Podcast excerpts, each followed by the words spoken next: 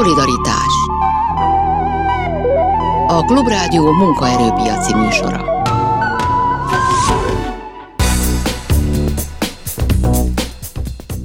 Jó napot kívánok, Sámesz János vagyok. A mai műsorban folytatjuk azt, amit a múlt héten elkezdtünk.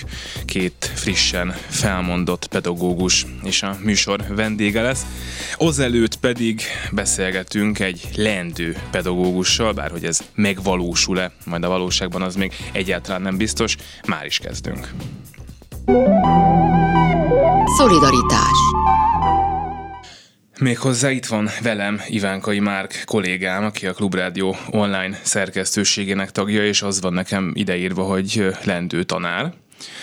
Úgyhogy már megbeszéljük, hogy ez így lesz de hogy ami nulladik pontként érdekel, lévén, hogy te egy fiatalember vagy, hogy, hogy amikor valaki tizenéves, 20 éves, akkor miért akar pedagógus lenni most így a 2010-es évek végén, 20-as évek elején? Én is üdvözlöm a hallgatókat, ez ö, több részből állt nálam. Talán az ősélményem, hogy a családban a nagymamám volt pedagógus, és ő volt az, aki kulturális felelős volt az életemben, tehát hordott kalák a koncertre, színházba, Petőfi Irodalmi Múzeumba, amit gyerekként bár nagyon untam, de mégis elültette bennem a irodalom szeretetének, a művészetek szeretetének a magját, és ez végül valahogy kicsirázott abba, hogy a tanári pálya felé szeretnék menni. Ugye érettségi után még nem tudtam pontosan, hogy mi szeretnék lenni, de fejemben volt ez a tanárság, de nem mertem egyből jelentkezni jelentkezni a tanárszakra, és magyar alapszakra jelentkeztem az eltére, jártam is oda egy évet, de aztán úgy éreztem, hogy én nem annyira felhalmozni szeretném a tudást, hanem valahogy átadni, közösen gondolkodni ilyen irodalmi témákról, és akkor átjelentkeztem magyar média tanári szakra. Milyen élmények értek a tanár szakon? Ugye vannak olyan vélemények, hogy hát az is baj Magyarországon, hogy már eleve milyen tanárokat képzünk, de vannak olyan vélemények is, hogy egyébként a, az az oktatás, ami Magyarországon van egyébként, az egyáltalán nem korszerűtlen, hanem akkor, amikor az ember bekerül egy iskolába, és ott a gyakorlattal találkozik, akkor, akkor azt nem tudja csinálni, amit megtanult. Neked az iskolában, az egyetemen jó élményeid voltak? Sok kritika érte a magyar tanári képzést, amiatt, hogy voltak a magyar alapszakos bölcsésztárgyak, és azt egyszerűen megduplázták, és azok lettek egy másik kódon a tanári ö, órák, de hogy ezek az órák kvázi kevésbé reagáltak arra, hogy itt tanárokat képeznek, és nem ilyen filológusokat, de mi alatt én oda jártam, azóta is sokat alakult, hogy már reagált arra a képzés, hogy itt inkább egy olyan képzést kell nyújtani, ahol egy leendő pedagógus hogyan fogja átadni azt a tudásanyagot, amit ő felszedett magának az évek alatt, és a média szak e, ebből a szempontból sokkal rugalmasabb, jobban reagál az aktualitásokra, ott már sokkal gyakorlatiasabb képzést kaptunk, akár ott volt újságírás, filmkészítés, tehát olyanok, amik akár jobban be tudják vonni a leendő diákokat. Akiket együtt tanultál, ők egyébként mind tanítani akartak? Tehát ott mindenkinek az volt a fejében, hogy ahogy ennek vége, akkor megyünk egy iskolába, és ott gyerekek, és jó lesz? Ez is vegyes. Én például az elején hatalmas küldetéstudattal mentem oda, hogy én itt hatalmas tanár egyéniség leszek, aki majd rengeteg mindent megtanít a diákoknak. Aztán ez is módosult az évek alatt, de a szaktársaim között is vannak nagyon elhivatottak. Például meg kell említenem a Lemma lehetőségek a magyar tanításban közösséget, akik folyamatosan szerveznek konferenciákat, például most is lesz egy táboruk július 23-tól 27-ig, ahol a, egyrészt a közösségépítésen van a hangsúly, másrészt ilyen szakmai programokon, de nekem nagyon fontos volt a közösség az egyetemen, mert Például a gyakorlat alatt, amikor volt ez a úgynevezett gyakorlat kísérő szeminárium, ahol ventilálhattuk a problémáinkat, akkor éreztem, hogy na végre nem vagyok egyedül, hanem hogy mások is küzdenek hasonló problémákkal, ezt ki tudjuk ventilálni, tanácsokat tudunk adni egymásnak, tehát mindenki minden tanárnak szerintem nagyon szüksége volna ilyen szupervízióra, ventilálásra, szakmai közösségre. Azt nyilván nem lehet elkerülni tanár tanárnak készülő diákként, hogy hallja arról, hogy mi van a magyar oktatásban, meg hát nyilván vannak tapasztalatai szinte mindenkinek. Ez mennyibe befolyásolja akár azt, amikor valami konkrét tüntetés, sztrájk, béremelés, elmaradás van, azokat a diákokat, akik erre készülnek. Tehát, hogy ez megütelje, hogy jó, hát én ezt két éve azt hittem, de hát most megint mit hallok, hát ez nem fog menni abszolút megüt, mert nekem valahol a státusztörvény volt az utolsó csepp a pohárban, amikor így nagyon meginoktam annak a tekintetében, hogy szeretnék-e elhelyezkedni tanárként, mert ugye még nincs meg a diplomám, ez még most télen fog megtörténni, ha minden jól működik, de ez a státusztörvény annyira megköti a tanár kezét, ami már eleve is elég kötött volt, hát nagy kiábrándultságot szül, azt érzem a közösségemben, mert hogy Szerintem a nagy probléma azzal van, hogy nagyon nagy a tudásanyag, és ennek mindig egy kimenetele van, az pedig az érettségi. Tehát a tanárnak el kell kezdenie frontálisan ö, darálni az anyagot ahhoz, hogy a négy év végére végigmenjünk az egész ö, követelménye, nem az érettségi vár, és akkor azt a diák visszaböfögi, de ebben nem volt semmi ö, olyan momentum, amikor a diák azt érezhette volna, hogy egy olyan szöveget olvas, ami akár róla szól, vagy valami többet tudott volna meg magáról egy könyv vagy egy vers által. A gyakorlatod az ugye megvan, tehát vannak tantervi, tantermi élményeid, az milyen? Az milyen volt? Én egy budapesti elitiskolában végeztem a gyakorlatomat, ahol hát nagyon kellett darálni az anyagot, részben azért is volt nehéz, mert hogy mindent először tanítottam, tehát egy ilyen, ilyen faramúci helyzet állt elő, hogy mm, például Bibliát kellett tanítanom irodalmi szempontból, úgyhogy az egyetemen annyira nem volt róla szó, nem is kaptam vallási ö, oktatást, tehát így ö, magamnak kellett előre legyártanom a PPT-ket, a tananyagokat, és ö, hát nagyon darálni kellett az anyagot, mert el is várták mind a szülői közösség, mind a tanárok, hogy legyen jegyzete a diáknak, és csak egyszer foglalkoztunk projektmunkával, ami, ami számomra felszabadító volt, meg egy sokkal jobb munkaforma, csak hát 45 percben az is nagyon szűken és sántán fért bele. Ugye, hogyha meg lesz a diplomád, akkor az lesz a nagy kérdés, hogy akkor elmész a tanárnak. Van már egy állásod itt, tehát amit nyilván nem hagynál itt, hiszen azt tudjuk, hogy egy pedagógusnak két-három munkája van egyszerre, hogy meg tudjon élni. Látod-e azt most magad előtt, hogy mondjuk a jövő tanévet, a következőt azt már mint tanár fogod elkezdeni? Valahol... Vagy mi kéne ahhoz, hogy ez így legyen? Hát először is talán, a, ha a státusztörvény nem lenne, az sokkal jobban megkönnyíteni a döntésemet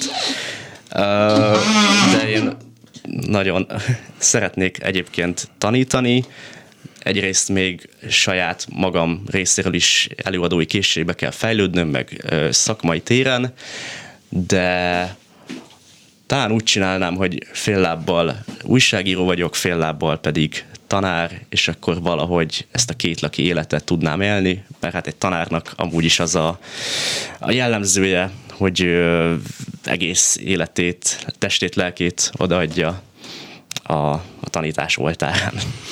Ivánkai már nagyon szépen köszönöm, hogy hát a másik szobából átjöttél idáig. Köszönöm a lehetőséget. Szolidaritás és két friss vendégünk pedig Timár Krisztina Szolnokról és Schwarzenberger Mogdolna Szigenszent Miklósról, mind a ketten frissen felmondott tanárok. Köszönöm szépen, hogy itt vannak.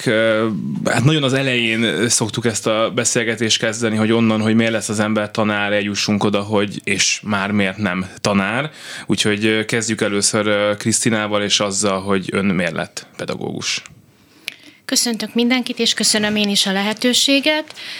Az egy nagyon jó kérdés, én ezen sokat gondolkodtam magam is. Inkább az a kérdés, hogy mi, hogy mm, minek ellenére. Nekem mindkét szülőm pedagógus, most már nyugdíjasok, és meg is, tehát mi, mi belülről láttuk a családban azt, hogy ez mivel jár. Úgyhogy nem akartam pedagógus lenni Ugyanakkor, amikor oda került a sor, hogy magyar-angol szakra menjek, ami viszont nagyon érdekelt, különösen a magyar, akkor mindenki nyomott abba az irányba, hogy azért legyen mellette egy a, a magyar szak mellett, az angol szak mellett is egy gyakorlati jellegű diplomám, vele együtt el lehet végezni tanárszakot, nagyon jó lesz, és az első tanítási gyakorlatomon azt mondtam, hogy úristen, ez nagyon jó. Tehát igazából azt érzékeltem, hogy mit utólag úgy fogalmaztam meg magamnak, hogy ebben önmagam vagyok. Függetlenül attól, hogy mennyire, mind, hogy minden nehézségét, minden, minden túlságosan, túlzásba vitt, vitt mm, hivatástudat igényét, mind azt láttam, hogy mennyi munkával jár, mennyi ráfordítással, mennyi erőfeszítéssel, mennyi nehézséggel. Azt, azt mondtam, hogy én mégis ezt akarom csinálni, mert, mert ez én vagyok. Magdalna? Hát én azt hiszem, hogy a legtöbb inspirációt, bocsánat, én is köszöntöm a hallgatókat, egy volt tanáromtól, osztályfőnökömtől kaptam, aki biológia földrajz szakos tanár volt, én biológia kémia szakos tanár vagyok, és ő diploma nélkül tanított egyébként a kémiát is. És olyan magas szinten tudott minket egy ilyen kicsi szigetbecsei általános iskolában a természettudományokra, ezekre a természettudományokra megtanítani, hogy mi onnan 22 főből hárman mentünk gimnáziumba, abból az egyik osztálytársam földrajz testnevelés szakos tanárnak ment, a másik osztálytársam orosz-német szakos tanárnak ment, a harmadik voltam én biológia kémiával, és kémiából meg ezekből a tárgyakból magasan vertük a többieket az osztályban tudá, hozott tudásunkkal. És szerintem a gimnáziumi tanáraim is ez úgy azért inkább hozzátettek, és hát nem is tudom, tehát ezekből voltam jó, vagyis hát nagyon sok tantárgyat, tehát én, szeret, én, én, én olyan eminens voltam, én szerettem iskolába járni, én olvasgattam a tankönyveimet úgy, mint más a regényeket, engem érge, a törit így előre olvastam, hogy na hát mi lesz még a franciákkal, vagy a magyarokkal, vagy a földrajzból, hogy akkor hogy is van ez a hegységképződés, és hát valamiért a kémia feltűnően jól ment az osztálytársaimhoz képest, meg érdekelt, és igazából meg a biológiát meg nagyon-nagyon szerettem, és biológia töri szakra szerettem volna menni, de az akkor nem indult. Két évente volt szombathelyen. És akkor a kémia így adódott, ha úgyis megy, meg biológiához jobban passzol talán. Szóval így, így kerültem a pályára. Tehát nem, nem azért, mert tanítani szerettem volna, hanem, hanem mert ezek a tantárgyak mentek és, és ugye azért nekem jó pár év eltelt, mire igazából sikerélményeim lettek a pályán, de mm, nem is tudom, tehát hogy, hogy nem éreztem azt, vagy nem is tudom, voltak ilyen kanyarok azért. Tehát én dolgoztam egy cégnél is például. Amikor végeztem, pont akkor kezdtek el leépíteni a természettudományos tantárgyak óraszámait. És nem is találtam tanárként állást, egyből átképeztek könyvtár. Hát ma ilyen már nem lenne, hogy nem Igen, talál. tehát könyvtárosnak is tanultam, meg könyvelőnek is tanultam, és akkor a sorsfintor az volt, hogy úgy kerültem vissza a tanári pályára, hogy számvitel tanítottam a pedagógus és a könyvtár, könyvelői végzettségemmel egy szakközépiskolában, és akkor ott egyszer csak elkezdtem természettudományos tantárgyakat tanítani, biológiát, kémiát, érettségére felkészíteni, és akkor ott nagyon kellett itt ilyen módszertanban jobban így ügyeskedni, hogy ott azokat a gyerekeket így megfogjam. És akkor ott elkezdtem ilyen projektmódszert, meg csoportmunkát, meg nem tudom, boncoltunk sertészszívet, ilyesmit a szakmunkás gyerekekkel, és akkor így és akkor így ez, szerintem ez, ez fogott meg, hogy így, hogy így meg lehet a gyerekeket fogni, vagy, vagy, vagy ez tartott ott hogy így a közgazdaság szakos, vagy nem is tudom, irányzatú gyerekek így, így, így a utolsó egy-két évben, hogy jaj, úgy hiányzik a biológia, hogy beülhetnek a kisebbekhez, vagy, vagy nem is tudom, tehát hogy hogy így ez az érdeklődésük meg legyen, föntarthassam. Részben a második kérdésemre adott egy kis választ már ezzel, de azért megkérdezném mind a kettőjüktől, hogy hát azért a leg legtöbb hallgatónk számára az biztosan egy nagy kérdés, hogy miért maradtak még mindig ennyien a pályán, ennyi pénzért, ilyen változásokkal, olyan nehézségekkel. Nyilván a gyerekek szoktak mindig előkerülni ebben a válaszban, de érdekelne az önöké. Szóval, hogy mi a jó az oktatásban, mi az a, a tanításban, amit mondjuk máshol nem kaphatnának meg, vagy kaphattak meg eddig? Erre azért nagyon nehéz válaszolni, mert nyilván mindenkinek más és más. Erre, erre a kérdésre biztos, hogy 30 kollégából 30 különböző választ adnám. Megpróbálok válaszolni rá, lehet, hogy nem fog sikerülni. Például az, hogy változatos, hogy nem mondhatom azt, hogy pontosan tudom, hogy melyik nap mi fog történni, mert minden pillanatban lehet várni azt, hogy valami teljesen váratlan dolog történik. Kialakított az ember már 80 féle stratégiát, és a 81-re volna szükség, és hirtelen ott áll, és azonnal rögtönöznie kell. Olyan, mint egy kicsit olyan, mint stand lenni, csak sokkal többet kell színpadon lenni, meg sokkal, hát nem biztos, hogy követelőbb, de elképzelhető, hogy követelőbb a közönség. Azonnal látszik a a visszajelzés. Én tudományos munkát is végzek, illetve író is vagyok. Tehát nekem van egy doktori fokozatom. És egészen más, hogyha kritikát írok, tanulmányt írok, regényt írok, novellát írok, nem látom a, az eredményt a közönségnek a szemében. Ott a tanítási órán azonnal minden látszik, azonnal jön a visszajelzés. Egyfelől, másfelől aztán nagyon sok mindenről majd húsz év múlva jeleznek vissza, az egy másik kérdés azonnal látja az ember, hogy van eredménye annak, amit csinál. Illetve biztos, hogy vannak olyanok, akik akik például most azok a kollégáim, akik adott esetben akár elégedettséget is mutatnak, akik úgy gondolják, hogy, hogy akkor, akkor erős, hogyha ott marad. Tehát ez az, amiről már vitatkozni lehet, de, de nem tudom, hogy ki döntött jobban, vagy kiválasztotta a kisebb rosszat, ők vagy én. Nem tudom, ki volt a bátrabb, ők vagy én de biztos, hogy van olyan közöttük, aki úgy gondolja, hogy a helyzet ellenére, bár tudja, hogy a helyzet rossz, de ő neki elégedetnek kell lennie, mert akkor mutat erőt. Akkor mutatja azt, hogy akkor viselkedik a integránsként a saját követelményeinek megfelelően. Ez is oka lehet, nagyon sok oka lehet ennek. Hú, hát én nekem, én egy ilyen prózajokkal kezdeném szerintem, az, és az elég sok kollégában szerintem megvan, hogy már annyit, annyit belefektettünk, és már valahova eljutottunk, és azért nem könnyű ezt kidobni, és újra kezdeni a nulláról, bár máshol, vagy, vagy esetleg teljesen más területen. Ez az egyik, a másik pedig nyilvánvalóan szeretjük azt, amit csinálunk, és és hát én most már ezt zsaroló potenciának látom, hogy mindig nézzük a gyereket és, és az ember úgy föláll, akkor ott hagy gyerekeket, esetleg a, az emelt felkészítése közepén, és vagy lesz, aki tovább viszi, vagy nem. És azt azért nagyon nehéz ezt kimondani, hogy, hogy akkor én ezt már nem csinálom tovább a gyerekért. És, és ö, ö, tehát az egyik, a másik pedig az, hogy, hogy ö, tehát azt a kreativitást, amit itt az ember a tanítás során megmutathat, vagy, vagy kiélhet, annak abban máshol nem biztos, hogy máshol van ennek tere. Mm, tehát ahogy én az óráimat, tehát hogy évről évre fejlesztem, vagy nem is tudom, hogy mondjam, tehát a módszertanilag próbálom mindig igazítani a, a digitálisabbá váló nemzedékhez, vagy a, ugye az egész más gyerekek jönnek szinte két évente, vagy nem is tudom, hogy tehát a Covid alatti gyerekek, hogy jönnek föl hozzánk a gimibe, tehát látszik rajtuk, hogy Covid volt két évig.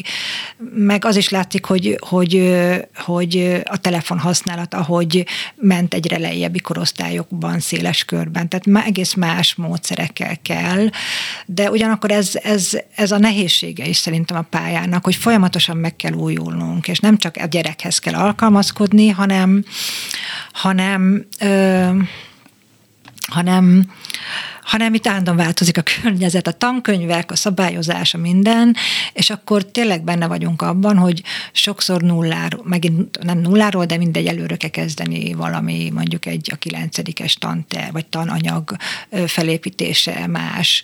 És ez darabig lehet inspiráló is, de aztán egy idő után már szerintem kiveszi a, az emberből az energiát. Abszolút csatlakozom, tehát teljesen egyetértek mindennel, amit mondasz, és akkor ezúttal hozzá is tennék valamit, hogy bár én, ami, ami más munkakört én ismerek, abban van elkezdjük egy, elkezdenek egy munkát mondjuk, mit tudom én, szeptemberben, és akkor befejezik, nem tudom, októberben, elkezdik a következőt októberben, befejezik nem tudom, februárban, utána megint elkezdődik valami, befejeződik valami, a tanításban elkezdünk valamit egyik szeptemberben, és hozzá vagyunk szokva ahhoz, hogy úgy kell fölépíteni, hogy annak mondjuk négy év múlva lesz vége. Tehát gimnáziumban például. Tehát sokkal hosszabb távra kell tervezni, és emiatt sokkal nehezebb megállni közben. Sokkal Igen. nehezebb azt mondani, hogy akkor én most két év múlva márciusban fölkelek, mert, mert félbehagytam valamit, amiről én tudom, hogy hova akartam eljutni, tudom, hogy annak haszna lesz, amikor eljutok a végéig, uh-huh. de valamilyen okból nekem útközben föl kell állnom. Ez nagyon-nagyon nehéz. Igen, és én ugye egy nyolcosztályos gimnáziumban tanítok, és azért vannak olyan tantárgyak, mondjuk egy magyar, vagy egy nyelv, vagy egy testnevelés, amit akár egy, vagy egy osztályfőnökség például, ami nyolc éven keresztül tart adott esetben, és ezért mindig nagy teher, vagy, vagy nagy döntés egy ilyet kimondani, hogy akkor most ott hagyom azt a csoportot. A másik az, amit még szeretnék ehhez hozzátenni, és szerintem ez nem is biztos, hogy annyira általános. Tehát abban az iskolában, ahol él tanítok, én tanítok, mi kis munkaközösségekben, kis külön tanárikban vagyunk. És nálunk egy nagyon-nagyon összetartó munkaközösség van. És ott hagyni azokat az embereket, tehát mi olyan viszonyban vagyunk egymással, hogy mondjuk párhuzamos óráink vannak, a B-be, meg a B-be, C-be esetleg, és hogyha egymást helyettesítjük, akkor a mondat közepéről tudjuk egymás óráját folytatni. És és ez az együtt, tehát hát nem tudom, hogy más munkahelyeken, tehát az a tapasztalatom, ami más munkáján van, az azért nem erről szólt teljesen, hogy ilyen szinten vagyunk egymásra utalva, és ilyen szinten toljuk egymást. Tehát egy ilyen nyolcosztályos gimnáziumban tanítani csak úgy lehet, hogyha, hogyha egymást toljuk, mert, mert ha már egyszer valaki összerakott egy anyagot, nekünk ott a szekrényünk, ott van egy kémia 9, kémia 8, és akkor mindenki belerakja az anyagát. Eddig ugye fizikálisan, most már virtuálisan is ott van, és egymás anyagaiból tudunk dolgozni akár és és ha valakinek van kérdés, akkor ott három másik ember van, aki segít ebben. Ezt majd Krisztina elmondja, hogy náluk is így van ez, és ez szerintem mm, tehát ez, ez ki tud alakulni egy, egy tanári karban, vagy egy akár egy kisebb közösségen, az, azon belül az egy nagy um, dolog, és látom azon a kollégámon, aki mondjuk egy évvel ezelőtt hagyta el a pályát, hogy neki ez hiányzik az új helyén. Most El... kell egy fejezze be nyugodtan. Elnézést kérek, nem beleszólni akartam, csak megerősíteni, hogy az iskola az egy szellemi műhely, ezt így fogalmazta meg egy Igen. kollégám. Ez az, ami miatt nem lehet, másképp, nem lehet másképpen működnie, csak így. Timár Krisztina és Schwarzenbergen Magdolna, mind a ketten pedagógusok, és mind a ketten felmondtak a munkahelyükön. Nem olyan régen, velük folytatjuk majd a hírek után a beszélgetést.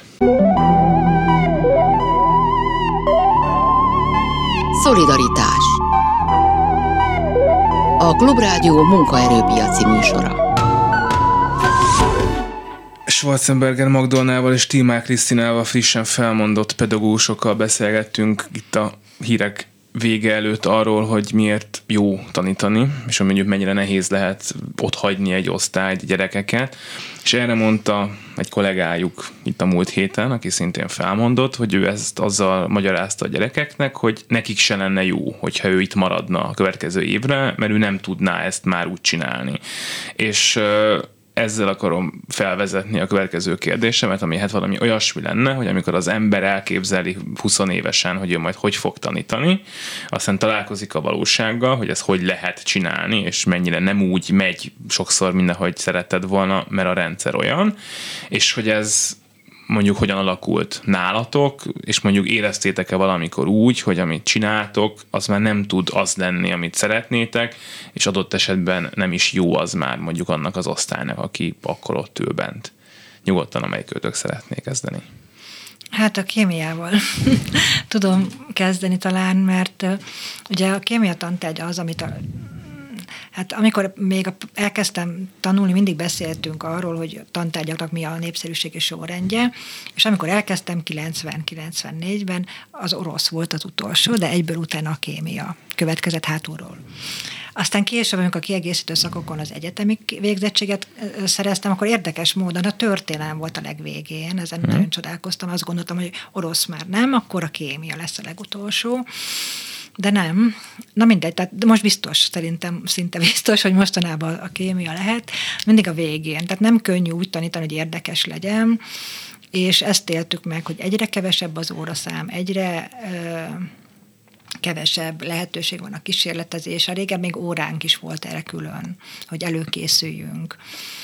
És tehát úgy kémiát tanítani, hogy így beszélek folyamatosan, az nem. De másképpen nem fér bele egyébként. Mert akkor matek lesz a végén, hát, és az olyan... Nem matek, mert nem csak szám, mert számolni se számolunk. Nem? Tehát szinte minimálisat, minimálisat számolunk. Tehát a tananyag sok, egyszerűen, és ugye miután emelt képzéseket csinálunk, így, így muszáj, tehát a 8 osztályos gimnáziumnak az a nagyon nagy előnye szerintem, hogy, hogy én hetedikbe is tanítok, és tudom, hogy mi kell a 12-be, és 7 tanítok úgy dolgokat, hogy ez 12-be is, is kell majd.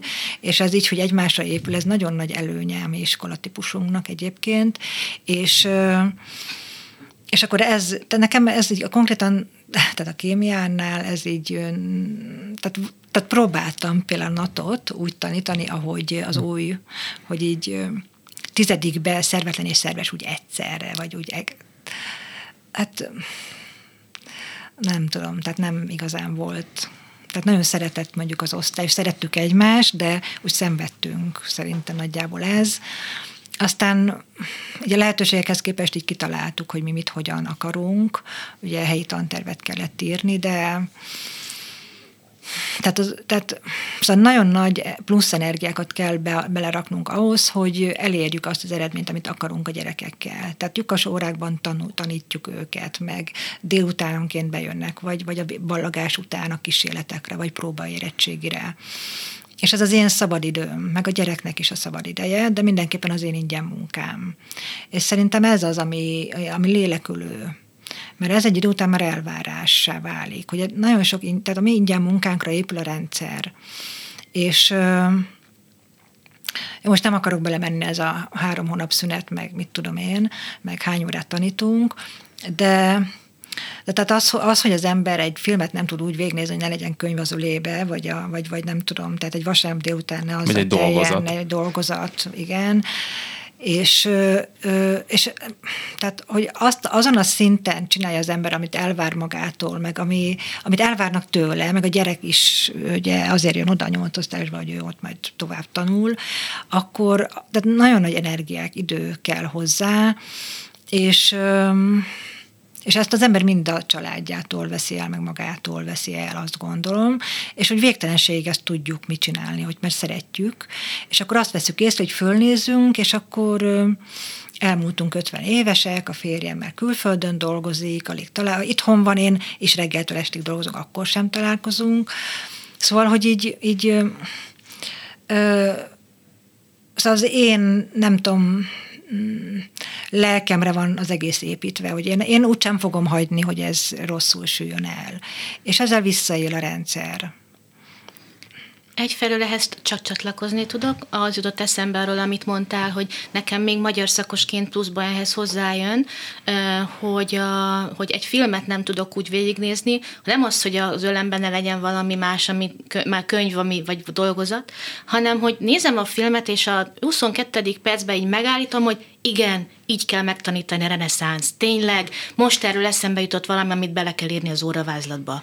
De semmit nem tud az ember így csinálni, hogy ne az jusson, hogy ne, ne járjon közben az agya a, a munkáján, ez jelenti a hivatástudatot többek között, vagy például kémi, biológia tanárral együtt voltam egyszer kirándulni egy másik településen, és egy sziklakert volt a település közepén a parkban, a sziklakert közepén a közmunkások valószínűleg nem ismerték meg, hogy az dudva, egy óriási nagy gyomnövényt ott hagytak, nagyon magasra nőtt, fölmászott, kihúzta, meg tudta, hogy annak milyen gyökere van, odaállt vele a fehér fal elé, és lefotóztatta magát, mert majd ő ezen fogja megtanítani azt a gyökérzetet. Tehát nem, nem tudod semmilyen, egy pillanatra nem, nem hagyjuk abba a pedagógus voltunkat. Tehát ez nem igaz, hogy én most nem leszek pedagógus szeptembertől, én pedagógus maradok, amíg élek. Ezt nem lehet abba hagyni. Egyébként többek között felnőtt edukációval is akarok foglalkozni a jövőben, úgyhogy ez azért még jó is fog jönni a későbbiekben. A másik pedig, ugyanígy van a magyar is, ami ezt valamelyik nap jutott ez éppen eszembe, hogy amikor egymásra építjük a különböző tanéveknek az anyagát, hogyha én 9. márciusban nem tartok, most mondok, mondok az valami az olasz reneszánsznál, ez volt a régebbi nap szerint, akkor kellett ott tartani, vagy áprilisban, akkor tudom, hogy baj lesz, mert nem fogom tudni, nem fogok tizedikben eljutni odáig, áprilisban, ameddig el kellene jutnom, tudom, hogy nem fogom tudni Arany Jánossal kezdeni a 11 és akkor nem jutok el az érettségiig a megfelelő ütemben. Tehát most gyorsítanom kell. Ezeket az ember így egy, egy idő után nagyon-nagyon hamar beállítja a fejében, hogy ilyen módon kell egymásra épülnie minden tanévnek, és ez is a része az, a, a munkának, hogy akkor rájöjjek, hogy mi az, amit nekem most másképpen kell csinálnom, mint eddig akár négy évig, mert különben baj lesz. Az egész csoportnak baja lesz sok az anyag és sok a munka vele? Um, meg a helyettesítés, meg egyfelől, a ingyen munka? Egyfelől igen, másfelől, ami a magyar illeti, különösen az angol esetében ezt még kevésbé érzékeljük, de már ott is. Sokszor én érzékelem azt, hogy nem azt tanítom, amire a gyereknek szüksége volna és amikor a, az, az új natot bevezették, tiltakoztak is ellene elegen, többek között én is, akkor annak a tiltakozásnak ez volt az egyik oka, hogy mm, hogy is fogalmazzam, tehát vagyok olyan szinten a saját szakmámban, hogy látom, hogy mást ez most nagyképűen hangz, is, hang, is hangozhatna akár, de most nem magamról beszélek, hanem mm, mint a pedagógus, bárkinek, bárki elmondhatná ezt az én helyemben, hogy lát, látja az ember, hogy mm, mást, másra van szükség, és az a más éppen úgy hasznos lehetne, az a más éppen úgy, sőt, sőt hasznosabb lehetne, nem lenne káros, nem lenne ártalmas a tanulónak, sőt inkább segítene abban, hogy fölkészítse arra, amire tudja, hogy ő neki már szüksége van. Tehát én nagyon tehetséges, okos, nagyszerű diákokkal dolgoztam együtt szinte mindig, sőt, mondhatom, hogy mindig. Nem volt, voltak persze konfliktusaim velük, meg követtem el szégyelni való hibákat én is. Általában talán ez, ez zárójel megjegyzem, talán ez az egyik ok, ami ott tartja az embert a pályán, hogy én ki akarom azt javítani, én nem akarom, hogy ez tartós legyen, de adott esetben lehet, hogy egy másik csoporttal egy év múlva jutok el oda, hogy én ezt kijavíthassam. Tehát kihívások összessége, zárójel bezárva. Tehát de látom azt, hogy, hogy mire van szükségük, hallom tőlük azt, hogy mire volna igényük, tudom, hogy én annak az igénynek meg tudnék felelni, megvan hozzá a szakmai tudásom, és nem lehet.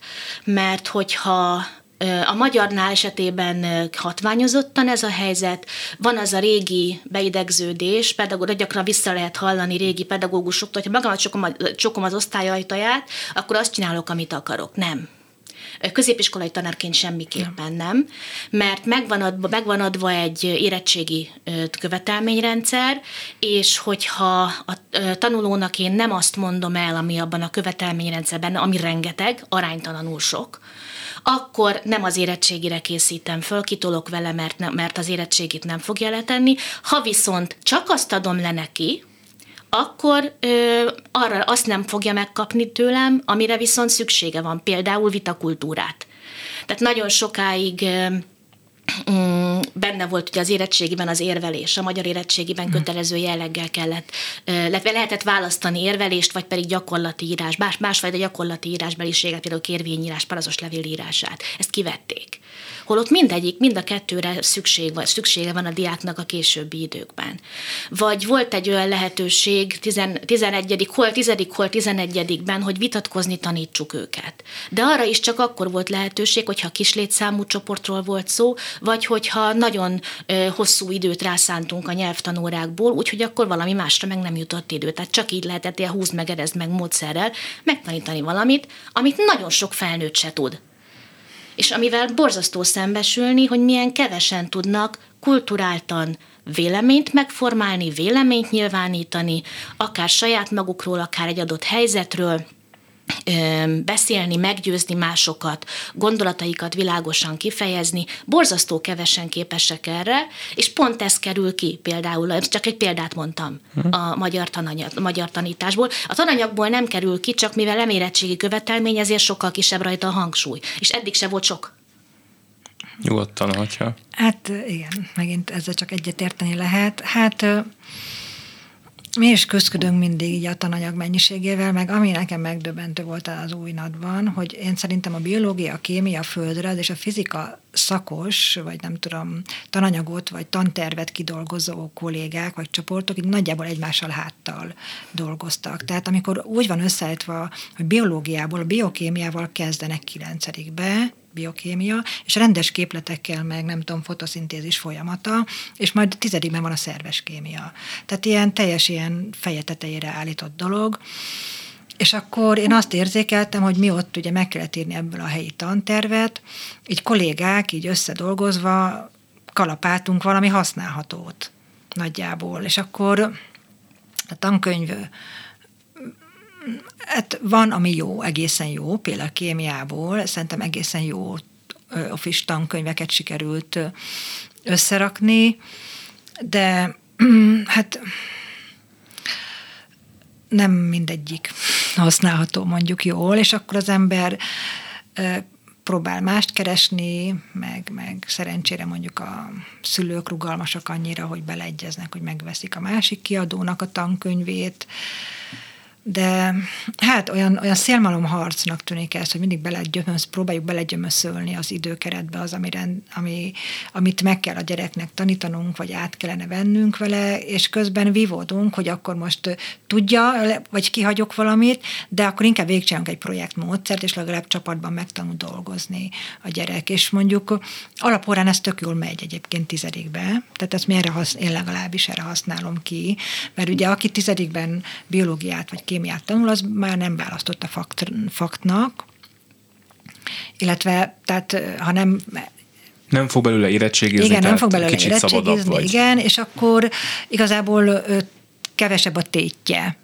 És, és akkor van alkalmunk tényleg mindenfélét akár csinálni, akár DNS-t izolálni banánból, vagy hasonlók, vagy akár a szaporodásról olyan szinten beszélni bármiről, vagy hogy mondjam, tehát hogy rendesen felvilágosítani a gyereket, és a tizedik az még mindig jobb, mert ered, tehát nem teljesen, szóval nem rossz a nat minden mm, mozanatában, az például jó, hogy tizedikbe kerül a szaporodás témakör a tizenkettedik helyett. Az azért mégiscsak kicsit hamarabb van, bár ötödikbe is kellene. És azért fur, furcsa valamiért, hogy ötödikbe, vagy meg, meg nyolcadikba is előkerül ez, de a tananyag legvégén, amire már nincs idő év végén. És, na, szóval ez, ez fontos, hogy ez, ezekről a dolgokról beszéljünk azért. Mm, Vészesen szóval, fogy az igen. időnk, eh, ami azt jelenti, hogy van 10 percünk. Eh, mind a ketten részt vettetek eh, valamelyik időszakában a tiltakozásoknak, amennyire én azt tudom, amik itt az oktatással összefüggésben voltak. Én arra lennék kíváncsi, és tényleg most már azért röviden, hogy ezt hogy éltétek meg, nagyon csúnyán megfogalmazva, és hogy hogy jut el az ember onnan, hogy valamiért küzd, azt gondolja, hogy esetleg lehet még egy változás, odáig, hogy végül felmond. Én egyrészt azt a gondolatsort folytatom, amit az előbb elkezdtem. Miután már láttam azt, hogy nem azt kapja a tőlem a tan- diák, egy olyan rendszer része vagyok, amelytől a diák nem azt kapja, amire szüksége van, viszont kap valamit, ami, ami viszont adott esetben nem, hogy maradjunk annyiba, hogy, hogy fel, nem feltétlenül szükséges, és még akkor nagyon finom voltam, akkor már azt mondtam, hogy én azért lettem pedagógus, mert önmagam akartam lenni, most már nem vagyok ebben önmagam megpróbálok változtatni rajta. Nagyon, nekem egyébként nagyon sokszor megfordult a fejemben, korábbi években is az, hogy én abba hagyom, nem csinálom tovább. Mindig történt valami, ami arra mutatott, hogy lehet rajta változtatni. Fantasztikus élményként érte, éltem meg azt, hogy rájöttem arra, hogy kollégáim hasonlóan gondolkodnak, mint én. A, a, egész nap alig van idő beszélgetni egymással, tehát a, volt olyan, hogy, hogy tőlem két méterre ülő kollégával nem beszéltem hetekig, mert egyszerűen nem volt, nem, nem volt időnk, csak elvillantunk egymás mellett, ekkor meg elkezdtünk megbeszélni dolgokat, és megértettük, hogy a másik hasonlóan látja, ugyanolyan céljai vannak. Létrejött a szellemi műhely, aminek egyébként automatikusnak kellene lennie.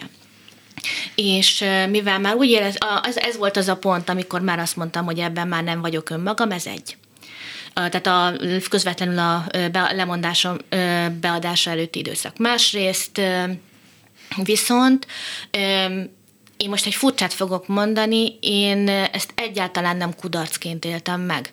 Tehát én soha olyan erősnek nem éreztem magamat, mint ebben a másfél évben. Én úgy éreztem, hogy sokkal erősebben tartozom egy közösséghez, mint bármikor korábban. Ebben mondjuk szerepe volt annak is, hogy én nagyon gyakran részt vettem online megbeszélésekben, országos tár- megbeszélésekben, amikor, ahol láttam, hogy ugyanúgy gondolkodik a nyíregyházi kollégám, a soproni kollégám, a szexárdi, a szegedi, budapesti, hogy mennyien vannak rajtam kívül, akik hasonlót szeretnének, és nem éreztem magamat egyedül. Ez óriási dolog volt, és nagyon sajnálok mindenkit, aki, aki ezekben nem vett részt, mert ez még terápiaként is működött. Én azt, hogy, hogy megszüntettem a munkaviszonyomat, a küzdelem részének tekintem azt mondtam, hogy most azzal tudok a legtöbbet tenni, hogyha megmutatom a hiányt. Tehát, hogyha láthatóvá teszem azt, hogy baj van, igen, hiányoznak emberek a pályáról, a mi iskolánkból is pedig ott még viszonylag ö, szerencsés helyzetben vagyunk, ö, de, de nagyon-nagyon sok helyen, a, o, nagyon sok helyen az történik, hogy ha, ha valaki megüresedik egy hely, akkor csak másik iskolából lehet oda, oda valakit, és abban a más, akkor másik iskolában nem lesz, aki a helyére álljon, hanem mondjuk a matek tanárnak kell tartani az éneket, most mondtam valamit, de simán előfordulhat. Tehát most az a dolgom, hogy megmutassam ez, ezzel, a, ezzel a eszközzel, hogy, hogy, hogy, hogy nagyon sok minden hiányzik. Hú, hát én is most én tudok ezt csatlakozni. Én azt gondolom, hát mi, tehát, hogy most így nem kezdem el végigmondani, hogy mennyi minden, meg mióta küzd, mm, veszünk részt ilyen küzdelmekbe, de hogy én azt fogalmaztam magamban meg, hogy, hogy nem, a, nem, nem a gyerek mosolya fontos, hanem az enyém. Ha én mosolygok, a gyerek is fog. És hogy ennyire ki vagyok hagyva a rendszerből, tehát így a hivatalos párbeszéd révén, hogy nem a tanárokért van az oktatási rendszer, szerintem de. Ha, ahogy egy családban a szülők rendben vannak, a gyerek is. Ha a tanári kar rendben van, akkor a gyerekekkel sem lesz probléma. És hogy ö, tehát ez volt az talán, amit én megfogalmaztam magamban, hogy tartson meg a rendszer, ha tud. És ha nem akar, vagy nem teszi meg, akkor nem tart meg. Tehát ne csak én küzdjek a gyerekért, meg az iskoláért, meg a tantestületért, meg a nem tudom, a hazámért, a ilyen ö, nagy szavakkal és egy áttételesen, hanem a haza is küzdjön értem. És ha nem küzd, akkor, akkor elveszít. Tehát én erre gondoltam, ezt fogalmaztam meg magamban. És hát... Az oktatás nemzeti érdek, tehát nem mondhatod azt, hogy nem a nemzetért küzdesz. Igen, igen, csak az ember... Olyan így... nagy szónak hangzik, de nyugodtan. Igen, igen, igen. Igaz. De, tehát erről, erről van szó. Annyi minden ről beszélünk a nemzet, nem tudom, nevében, meg, meg, meg érdekében, pedig itt a hétköznapokban kellene a legtöbbet tenni érte szerintem. És Hát, tehát egyébként én akkor is fölmondtam volna, mert tehát most még ez tart, ez a mm, folyamat, munkaviszony megszüntetése, rendkívüli lemondással egyébként. Akkor is mentem volna, minden rendben van, mert öt éve vagyunk külön a férjemmel, külön országban. És pont eljött az ideje, hogy ezen változtassunk. De, mm, tehát én úgy érzem, én nem vagyok olyan lelkes, mint Krisztina, remélem, hogy én vagyok a kisebbség, vagy én képviselem. Tehát mi régebb óta küzdünk, öt éve pereskedünk a tankerülettel.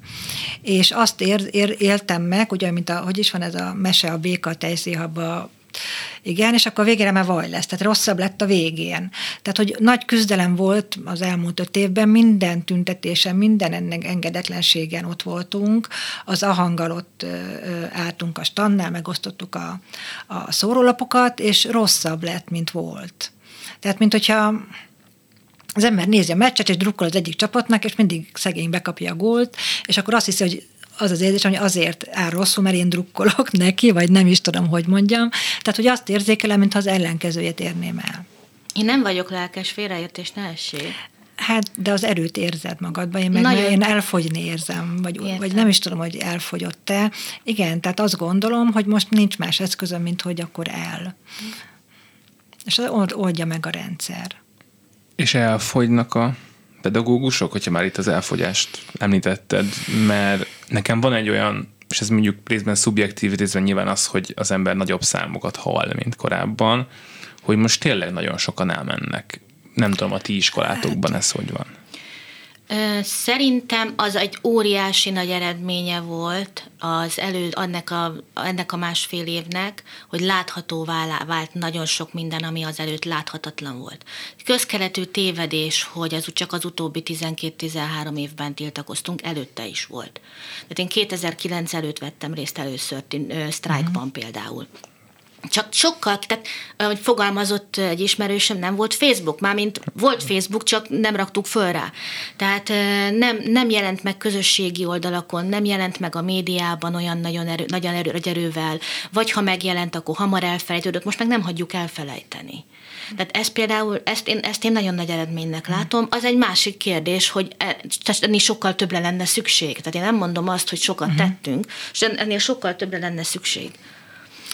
Hát igen, ezzel is egyetérteni tudok, de nem tudom, valahogy egyszerűen nem tudom elképzelni, hogy összeszednénk magunkat, mint tanártársadalom, és mint a romániai kollégák, vagy akár a, nem tudom, más nemzetek, hogy, hogy tényleg be sem megyünk az iskolába, mert tehát mi ezt éltük meg, hogy elkezdtük a, a sztrájkot, elkezdtük az engedetlenséget, elkezdtük a pert, és nem jöttek velünk a kollégák, vagy, hmm. vagy legalábbis vagy volt, hogy mi álltunk le. Tehát volt olyan, hogy kicsit úgy éreztem, hogy a Battyányi, mint egy picit ilyen zászlóvivő hajó lenne a tankeletbe, és volt olyan, hogy nem. Már mindenki sztrájkot rajtunk kívül. és akkor mi azt mondjuk, hogy kicsit megállunk, mert ö, nem. Tehát, hogy, hogy nem tudom, hogy megérünk egyszer oda arra, hogy tényleg egy ilyen erős érdekvédelem legyen, de, de nagyon remélem, hogy neked lesz igazad, Krisztina, és akkor egyszer csak nem tíz éven belül, akár hamarabb. Tehát, hogy nem, nincs érdekvédelem, nem állunk egymásért, akkor, akkor nem fogunk elérni engedményt, és nyugdíjba mennek a kollégák, tehát kérdezted, hogy fogy, fogyunk, el, el, el fognak fogyni. Nyugdíjba mennek, és nem jön annyi fiatal. Aztán ma olvastam, hogy 5000 megy nyugdíjba, Igen. 2000 kezdte el a pályát vagy kezdi szeptembertől. Hát aki elkezdi most, ez nem biztos, hogy mondjuk öt év múlva van, még. Így van. Én tudok olyan esetet, tehát, hogy, hogy három nap után elmenekült az illető.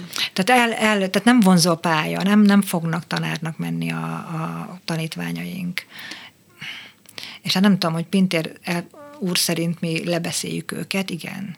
Tehát amikor azt mondja a gyerekem, gyerek, hogy ő tanárnak megy, akkor hogy mondom, hogy nagyon-nagyon gondold meg, látod, hogy miben vagyunk. Jó, jó, hogy nyelvet választok mellé, ez szokott lenni a válasz, és akkor, hogyha nagyon nem, akkor elmegy külföldre. Szóval az, hogy nem nekem kell a gyereket biztatni, magától kell olyannak látni a helyzetet, hogy így rohanjon a tanári pályát választani. De nem. Mutat, ez az egyik. Ha másik meg, ha már a szolidaritás a címe ennek a műsornak, ehhez hadd csatoljak már vissza, hogy szolidáris az ember olyanokkal lehet, akiknek a problémája őt nem érinti, de ő empatikus, és mindenképpen együtt, egy, vagy, vagy, vagy inkább együttérző, és mindenképpen szeretne értük tenni valamit. Ez a pedagógusok esetében nem igaz. Tehát a, hogyha a pedagógusnak elveszíti ezt a küzdelmet, akkor az egész ország veszít. Ha a pedagógus megnyeri, még akkor is, hogyha ő maga nem feltétlenül a leg, legjobb a, ezen a a szakmájában, területen, akkor azzal az egész ország nyer. Tehát a, ilyen szempontból, hogyha valaki, a pedagó, nem a pedagógussal szolidáris az illető, hogyha valaki velünk szolidáris akar lenni, és ezt így, így, így mondja, így fogalmazza meg, hanem saját magával, meg a gyerekeivel. Hát csak ez nem, nem tudom, hány... Nem hiszik ezt el az emberek. Sokan vannak, akiknek megfogalmazódik, de sokan soknak. Tehát nehéz a azzal el, ellen menni, ami, ami állandóan hall az ember. Tehát ahogy tehát az, hogy én meg, mint elájult a gyerek, és fölszedtem az udvar közepén, és bekötöztem a sebét, és nem tudom, ezzel nincs tele a sajtó, mm. de azzal tele van, hogyha valaki lekever egy pofont. Ez egy, is biztos. Ami nem helyes nyilván, de, de tehát egy ilyen hangulatkeltéssel, meg mindennel együtt nehéz az emberekben a együttérzést megtalálni, kiváltani. Ez biztos, pont ezért mondom, hogy saját magával érez együtt, hogyha ezt az egész ügyet támogatja. Van még igazából 10 másodpercünk, de most kicsit csalunk. Mondtatok már egy-két dolgot, hogy mit fogtok csinálni most, hogy nem fogtok tanítani, de ha bővebben szeretnétek, akkor egyrészt, másrészt pedig, hogy visszatértek-e még a magyar közoktatásba vajon valaha? Én írni szeretnék, környezettudatossággal foglalkozni. Nagyon sok olyan lehetőséget látok, hogy kommunikációst keresnek, mennék segíteni kommunikációsként. Ahhoz értek, amint látszik, beszélni tudok. Már elnézést, ahhoz nem csak azt kell tudni természetesen, nyilván új dolgokat is meg kell tanulnom. Nyelvet tanulok, illetve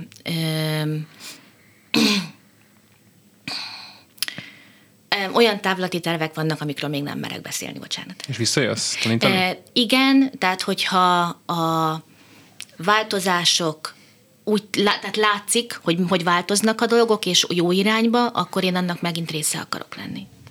Hát én, én azt fogalmaztam meg, akkor fogok visszajönni, ha a legjobb iskola, a legközelebb iskola lesz. Nem tudom, hogy értitek-e, hogy így mire gondolok ezzel. Mm, én nagyon nem, nem akar egyelőre, amíg azt látom, hogy az oktatás a társadalom polarizálásának, vagy egyenlőtlenné tételének az eszköze, addig nem akarok. Köszönöm szépen, hogy itt voltatok. Tímár Krisztina és Schwarzenbergen Magdolna frissen felmondott pedagógusok voltak a műsor vendégei. Köszönöm szépen Gerendai Bals Ágnes szerkesztőnek és Horváth Ádám technikusnak a segítséget és köszönöm szépen a figyelmüket. Most V. Nagy Gyöngyitől jönnek a legfontosabb hírek, maradjanak a Klubrádióval. Minden jót! Szolidaritás A Klubrádió munkaerőpiaci műsorát hallott.